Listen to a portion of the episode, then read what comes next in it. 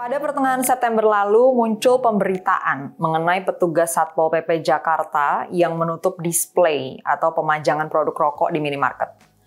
Hal itu kemudian menimbulkan protes dari pihak minimarket atau pihak penjual rokok. Ternyata tindakan Satpol PP tersebut ada latar belakang peraturannya dari Gubernur Anies Baswedan terkait pembinaan kawasan dilarang merokok.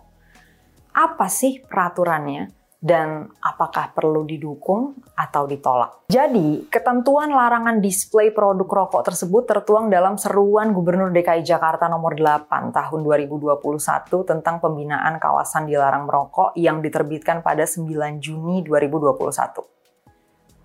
Seruan gubernur tersebut memuat tiga poin. Yang pertama, memasang tanda larangan merokok pada setiap pintu masuk dan setiap lokasi yang mudah diketahui orang di area gedung serta memastikan tidak ada yang merokok di kawasan dilarang merokok. Yang kedua, tidak menyediakan asbak dan tempat pembuangan puntung rokok lainnya pada kawasan dilarang merokok. Yang ketiga, tidak memasang reklame rokok baik di dalam ruangan atau indoor maupun di luar ruangan atau outdoor, termasuk memajang kemasan atau bungkus rokok di tempat penjualan. Nah, itu tadi yang menjadi latar belakang tindakan si Satpol PP. Setelah kisruh Satpol PP versus minimarket tadi mencuat, publik justru baru mengetahui jadinya gitu, adanya aturan tersebut. Dan mulailah mengomentari larangan itu. Apakah Gubernur Anies Baswedan adalah pemimpin pertama dan Jakarta adalah daerah pertama yang membuat kebijakan anti rokok semacam itu? Tidak ada cukup banyak pemimpin dari berbagai daerah dan negara lainnya yang sudah menerapkan berbagai kebijakan anti rokok untuk mengendalikan bahkan sebisa mungkin menghilangkan peredaran dan konsumsi rokok dari kehidupan masyarakat. Bhutan adalah salah satu negara di dunia yang menerapkan kebijakan anti rokok sejak lama. Bukan hanya melarang memajang rokok di toko-toko atau mengiklankan rokok, Butan juga menerapkan larangan untuk menanam, memanen, memproduksi, maupun menjual produk-produk tembakau di seluruh kerajaan Butan.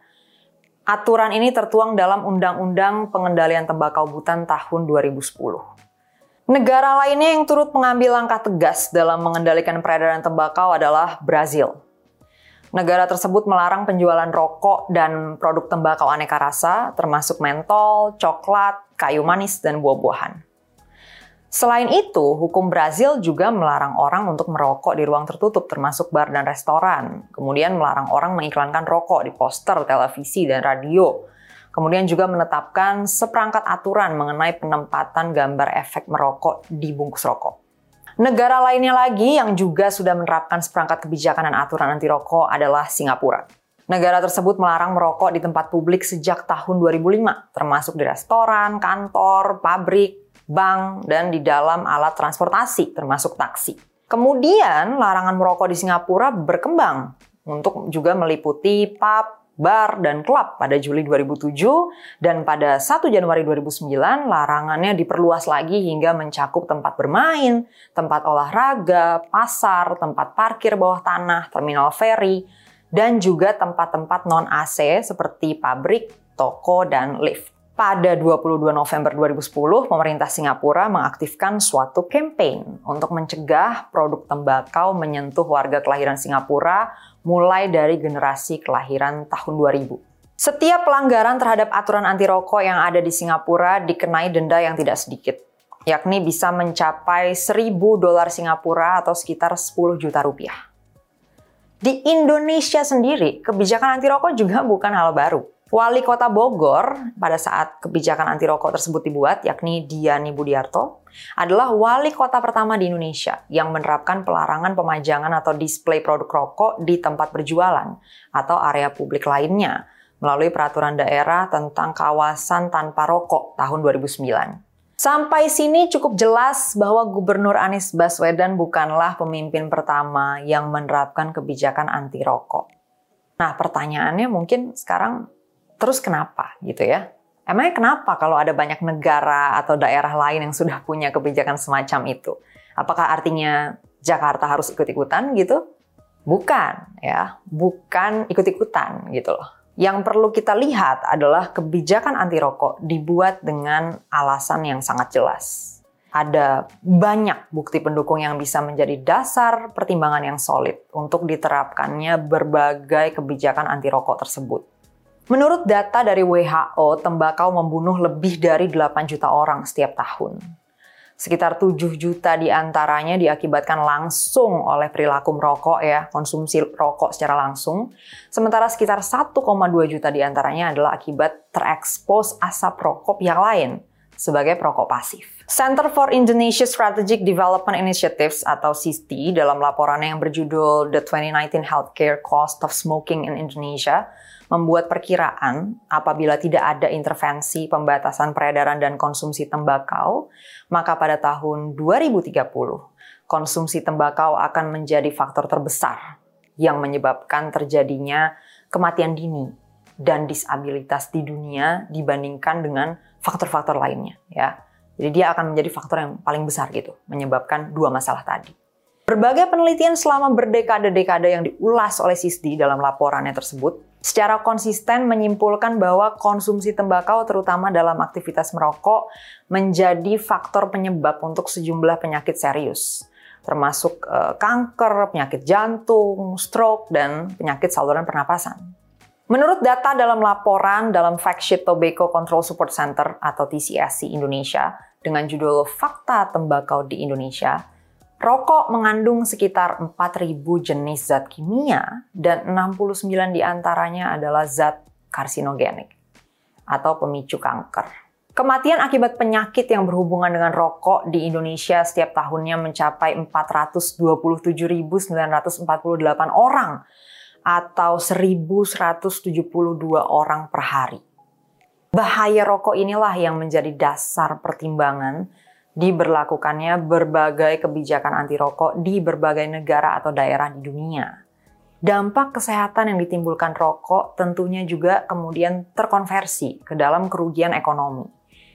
Menurut laporan Kementerian Kesehatan RI yang berjudul Dilema Industri Rokok Indonesia yang dikeluarkan pada tahun 2018, total kerugian ekonomi akibat konsumsi rokok pernah mencapai sekitar 380 triliun rupiah.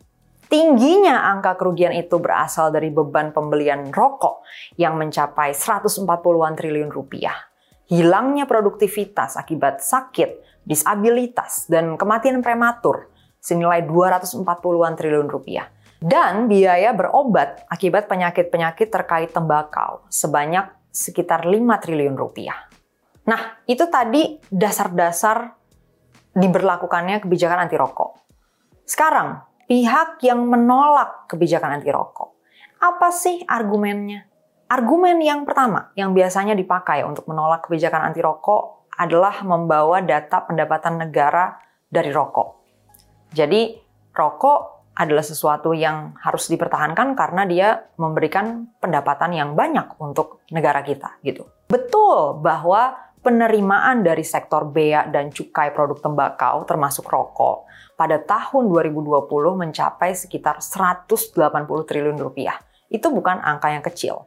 Dan nilai pasar industri rokok saat ini mencapai sekitar 220 triliun rupiah. Tapi nilai ini tidak cukup untuk menutup kerugian jangka pendek dan jangka panjang yang ditimbulkan oleh rokok. Seperti yang sebelumnya sudah saya sebutkan, kerugian ekonomi yang ditimbulkan oleh konsumsi rokok juga mencapai ratusan triliun rupiah gitu loh. Ibarat kita dagang cilok dapat pemasukan 10 juta, tapi biaya yang dikeluarkan untuk operasi bisnisnya 12 juta. Ya itu sih namanya bukan untung, tapi buntung. Argumen lainnya yang dipakai menolak kebijakan anti rokok itu juga tidak kalah absurd, yaitu membandingkan rokok dengan gula. Tuh, gula juga bahaya, apa perlu kita larang display gula di minimarket? Coba deh, saya kepengen tahu. Bisa nggak ya misalnya yang kebanyakan konsumsi gula Anda, tapi saya yang kena diabetes? Jelas nggak bisa kan? Karena nggak ada yang namanya pemakan gula pasif gitu loh. Data dari Global Youth Tobacco Survey pada remaja berusia 13 sampai 15 tahun menunjukkan bahwa 6 dari 10 remaja atau sekitar 64,2 persen terpapar asap rokok orang lain di rumah.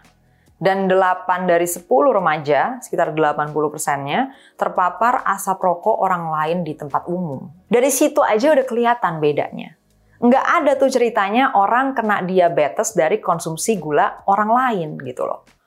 Dampak rokok itu sulit diisolasi dalam individu konsumennya karena asap rokok menyebar ke pihak-pihak lain di luar yang mengkonsumsinya itu sendiri.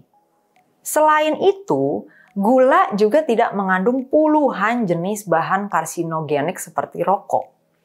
Jadi risiko kesehatannya juga lebih rendah dari rokok. Permenkes nomor 30 tahun 2013 tentang pencantuman informasi kandungan gula, garam, dan lemak serta pesan kesehatan pada pangan olahan dan pangan siap saji mengatur anjuran konsumsi gula per orang per hari yang di mana itu bisa mencapai 4 sendok makan atau sekitar 50 gram gula per orang per hari. Dan itu adalah takaran aman mengkonsumsi gula. Sedangkan takaran konsumsi rokok yang dianjurkan oleh lembaga maupun praktisi kesehatan di seluruh dunia adalah 0 gram per orang per hari. Tidak ada takaran aman dalam konsumsi rokok. Karena pada dasarnya zat-zat di dalam rokok adalah zat yang inherently uh, berbahaya. Sampai di sini sudah jelas bahwa argumen-argumen yang kontra terhadap kebijakan anti rokok sebetulnya tidak solid. Dan saya cukup yakin bahwa para pelaku industri rokok sendiri pastinya sudah menyadari adanya fakta-fakta yang dari tadi saya sebutkan. Dan kalau kita lihat dalam beberapa tahun terakhir, sebetulnya perusahaan-perusahaan produsen rokok pun sudah mulai melakukan diversifikasi ke berbagai produk lain di luar rokok. Dan saya melihat ini sebagai itikat baik gitu loh bahwa dari produsen rokok sendiri sebetulnya sudah melihat kita harus melakukan transisi untuk meninggalkan industri ini. Sudah cukup jelas bahwa produk rokok tidak bisa menjadi masa depan kita. Bagaimana bisa menjadi masa depan kalau generasi baru kita meninggal di usia dini atau lahir dengan disabilitas bawaan yang menghambat tumbuh kembang mereka? Makanya itu berbagai negara di dunia memang sudah mulai mengambil langkah-langkah menuju dunia bebas rokok. Seperti Singapura tadi misalnya. Mereka sudah uh, mulai melakukan upaya tadi kan mencegah orang Singapura terpapar rokok gitu. Yang dia mulai dari generasi kelahiran 2000. Nah, jadi dari mulai orang Singapura yang lahir di tahun 2000 sampai ke sini gitu sampai generasi yang kemari itu akan diupayakan untuk betul-betul tidak terpapar rokok sama sekali. Nah, artinya tinggal bagaimana Indonesia ikut juga berjalan ke arah sana. Dan seperti yang saya bilang tadi, pelaku industrinya sendiri sepertinya juga sudah cukup menunjukkan sikap yang mulai setuju dengan transisi itu. Jadi ini sudah tinggal bagaimana kita semua bersama-sama bekerja sama melakukan transisi, sama seperti dalam masa pandemi ini. Ketika kita melakukan transisi besar-besaran dalam berbagai aspek kehidupan, kalau kita bisa melakukan itu, menurut saya kita juga bisa melakukan transisi menuju masyarakat Indonesia bebas rokok. Kembali ke kebijakan Gubernur Anies Baswedan. Banyak pihak kemudian kehabisan argumen dan mulai memberikan tuduhan misalnya langkah tersebut dianggap semata-mata dilakukan demi mendapatkan dana dari Bloomberg Initiative. Dalam pandangan saya, misalnya pun Gubernur Anies Baswedan mendapatkan dana dari Bloomberg Initiative untuk mengeksekusi kebijakan-kebijakan anti rokok, buat saya itu ya adalah semata-mata bentuk aliansi karena memang mereka memiliki sikap yang sama, yakni sebisa mungkin mengurangi peredaran dan konsumsi rokok dari hidup masyarakat. Kalau suatu saat nanti kita sama-sama bisa menyaksikan dunia yang sudah terbebas dari rokok, kita tahu bahwa ada nama wali kota Diani Budiarto dan Gubernur Anies Baswedan di dalam daftar pemimpin yang berdiri di sisi sejarah yang tepat.